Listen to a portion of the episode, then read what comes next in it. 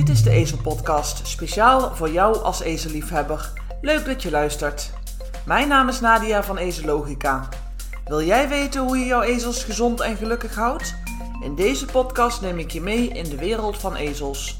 Wil ik waardevolle inzichten en informatie met je delen, zodat jij nog meer kunt genieten van jouw gelukkige ezels. Ik wens je veel plezier met het luisteren van deze aflevering. Hallo luisteraars, hier is aflevering 8 van de Ezel Podcast en met een feestelijk tintje. Uit onderzoek blijkt namelijk dat podcastmakers er weer mee stoppen na gemiddeld 7 afleveringen. En laat dit dus nu aflevering 8 zijn, en dit dus meer afleveringen zijn dan het gemiddelde, en ik nog genoeg inspiratie heb voor de toekomst. Joepie! En het was niet het doel van deze podcast om boven het gemiddelde te komen, maar je begint een podcast toch wel met een beetje zenuwen. Ik in ieder geval wel. En waarom, hoor ik je nu misschien denken? Nou, A, omdat het nieuw is en er dan toch wel een stukje onzekerheid om de hoek komt kijken. Bij mij wel. De andere reden daarvoor is: gaat er überhaupt wel iemand luisteren naar wat ik te vertellen heb over ezels? Nou, A heb ik in ieder geval overleefd en de onzekerheid wordt minder. Ik kan er in ieder geval steeds beter mee omgaan. En B, met op dit moment ongeveer 300 unieke luisteraars en rond de 600 downloads, waar jij deel van uitmaakt, heeft deze podcast dus ook luisteraars. Kortom, we gaan gewoon door. En ik wil jou als luisteraar bij deze ontzettend bedanken voor het luisteren van deze podcast. En wil je mij helpen om nog meer ezelliefhebbers, ezelhouders of toekomstige ezelhouders te bereiken? Geef deze podcast dan een 5-sterren review of beoordeling in de podcast-app of deel de aflevering op social media. En leuk als je Ezelogica tagt in je post of story. Als het goed is, krijg ik dan je berichtje te zien en krijg je ook altijd een reactie van mij. En deze aflevering van de Ezel Podcast gaat over ezels kopen of ezels adopteren. En de vraag die mij dan gesteld wordt is: wat kan ik het beste doen? En weet je, ik kan die vraag voor jou niet beantwoorden. Het is namelijk allebei goed, want het is aan jou of aan jullie de keus. Als je mij al wat langer kent, weet je dat mijn eerste muildieren, Hans en Jozef, beide inmiddels een mooie ster aan de hemel, geadopteerd heb van Stichting de Ezelsociëteit. In aflevering 1 over ezelogica heb je kunnen luisteren hoe dit allemaal gegaan is. En voor mij was adopteren een hele logische en vanzelfsprekende keus, om meerdere redenen. In dit geval adopteren in de vorm van een pleegadres of opvangadres worden, de volledige zorg overnemen. Je kunt namelijk ook ezels adopteren op afstand door middel van een maandelijkse bijdrage om zo de desbetreffende ezelopvang te steunen.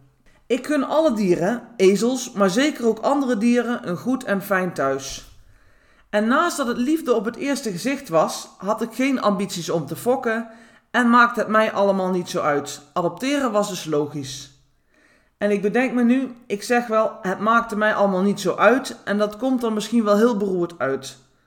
Wat ik bedoel is dat ik geen voorkeur had voor een leeftijd, grootte, geslacht, kleur, een ezel of een muil met of zonder rugzakje, noem maar op.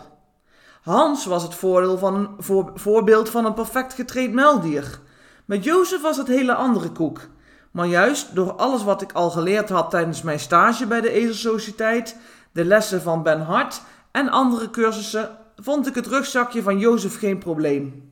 En wat daarnaast een heel groot pluspunt voor mij was, was dat ik wist dat als ik om wat voor reden ook niet meer voor mijn knappe kerels kon zorgen, de zorg altijd weer overgenomen zou worden door de ezelopvang. En ik ben zeker niet neerslachtig, maar in de tijd als vrachtwagenchauffeur heb ik genoeg op de weg zien gebeuren. En misschien dat ik er daarom vaker over nagedacht heb. In ieder geval vaker als misschien een ander zou doen. Door te adopteren had ik daar totaal geen zorgen over. En als je ezels, of in mijn geval dus muildieren, adopteert op deze manier, is het allemaal win-win-win. Jij hebt namelijk de ezels waar je hotel de botel van bent. En ezelopvangen plaatst ze echt niet zomaar uit. Er moet echt wel sprake zijn van een match. De andere win is, er komt weer ruimte in de opvang, waardoor er weer plek is voor nieuwe dieren. Nieuwe dieren die in de toekomst een fijn thuis kunnen krijgen. En met de financiële bijdrage voor het adopteren van ezels of muildieren kom je de opvang ook weer tegemoet in alle kosten die zij maken.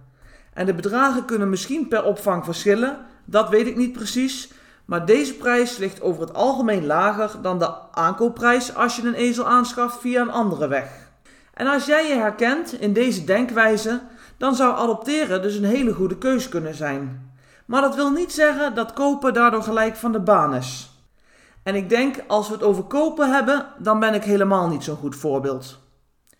Meldier Cateau heb ik gekocht. Waarschijnlijk van een handelaar die dacht dat er goud geld mee te verdienen was. Een van de eerdere eigenaren van Cateau had helaas moeten besluiten vanwege privéomstandigheden Cateau te verkopen. En ik was hiervoor al eerder benaderd, maar ik had op dat moment geen ruimte en ook geen tijd om de muilenfamilie uit te breiden. En weet je, de aankoopprijs, die weet je vaak wel precies. Daar kun je misschien nog wat over onderhandelen, maar je weet uiteindelijk, voor dit bedrag koop ik de ezel of muildier. Maar het zijn de dagelijkse en periodieke kosten die in dit geval de doorslag gaven om het niet te doen. En dan heb ik het ook nog niet eens over de onverwachte kosten bij bijvoorbeeld ziekte van het dier. Ik vond het zo ontzettend moeilijk, maar ik heb inmiddels ook geleerd, en ja, ik ben een grote meid geworden, je kunt soms ook niet alle dieren houden of opvangen in je eentje. En deze verkoop was voor de eigenaar zeker niet makkelijk geweest en ook absoluut niet zomaar besloten. Deze eigenaar dacht eigenlijk een goed forever home gevonden te hebben voor Cateau. Eindgoed, al goed, totdat er, volgens mij een paar maanden later, ik genoemd werd op Facebook bij een advertentie voor een groot muildier. En bij het lezen van deze advertentie gingen alle alarmbellen rinkelen. En hoe moeilijk ik het ook vond, ik besloot toch contact op te nemen met de vorige eigenaar. En dit was een heftig bericht, want dat Forever Home was dus helemaal geen Forever Home. En dan breekt je hart als je denkt dat je goed gedaan hebt, een goede keus gemaakt te hebben. Helaas was ik in de tussenliggende periode meldde Jozef verloren.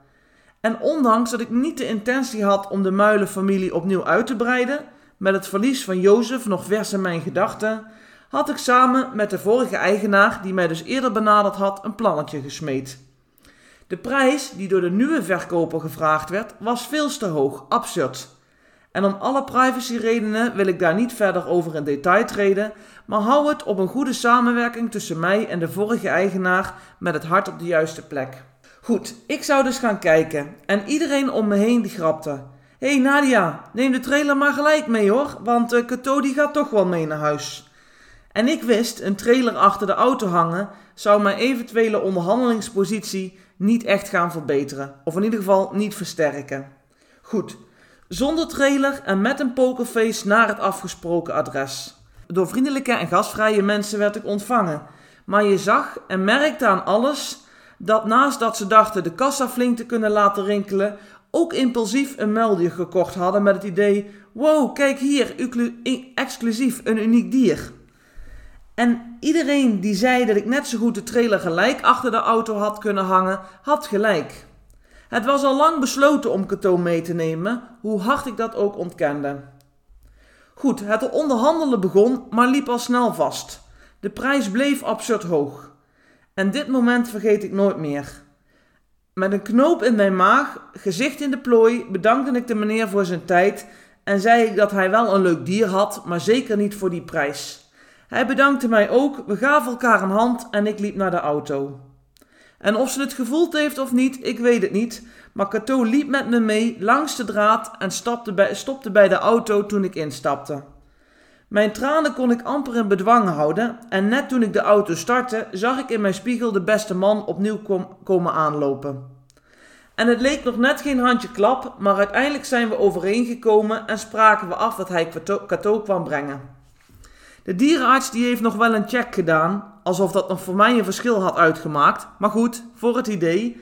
En nu staat ze dus nog steeds bij mij en ik hoop dat ik haar forever home ben. En persoonlijk vind ik dit niet de slimste manier als je ezels gaat kopen. Maar hoe zou je het dan wel kunnen doen?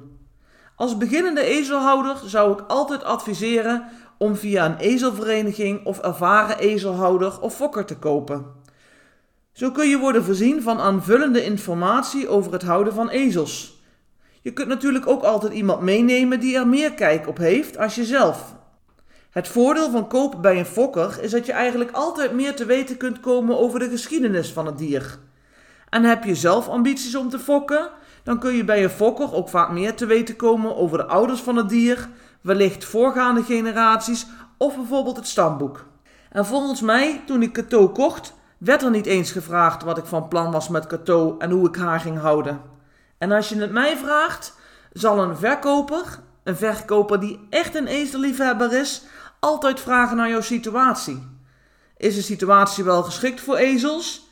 En weet je dat een ezel geen paard is met lange oren? Een goede en betrouwbare verkoper zal in mijn ogen nooit een ezel alleen verkopen als jij nog geen andere ezels hebt. Want ook hier geldt weer: één ezel is geen ezel. En alle paardachtigen moeten in het bezit zijn van een chip en paspoort vanaf een leeftijd van 9 maanden.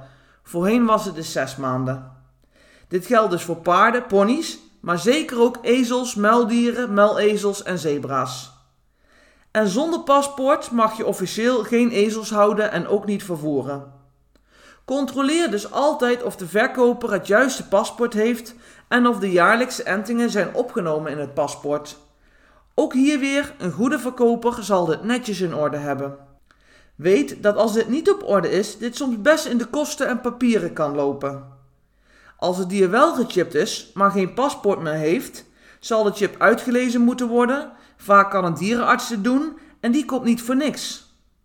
Als er een paspoort is, maar het paspoort is zoek, dan kan de paspoortuitgevende instantie een duplicaat paspoort uitgeven, maar de kosten hiervoor verschillen, van een paar tientjes tot soms wel het veelvoud. En een paspoort is trouwens geen eigendomsbewijs. Wil je wel iets van een eigendomsbewijs hebben, dan kun je daarvoor in overleg met de verkoper schriftelijk het een en ander vastleggen, bijvoorbeeld in een overeenkomst. En besluit je bij een fokker te gaan kijken? In mijn ogen laat een goede fokker zijn merrie nooit te vroeg dekken. Het algemeen advies luidt om een ezelin te laten dekken vanaf de leeftijd van drie jaar. En betekent dit dat het veulen dan in een ongunstige periode wordt geboren en de fokker daarom de merrie eerder wil laten dekken? Dan zou ik denken, vraag je dan af waarom er niet gewoon een jaar gewacht kan worden.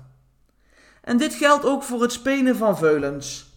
Het spenen van veulens wil zeggen dat het veulen gescheiden wordt van de merrie. Een eerdere verkoop van het veulen betekent eerder ching-ching van de kassa van de verkoper. Ook heeft de verkoper minder lang kosten aan het veulen.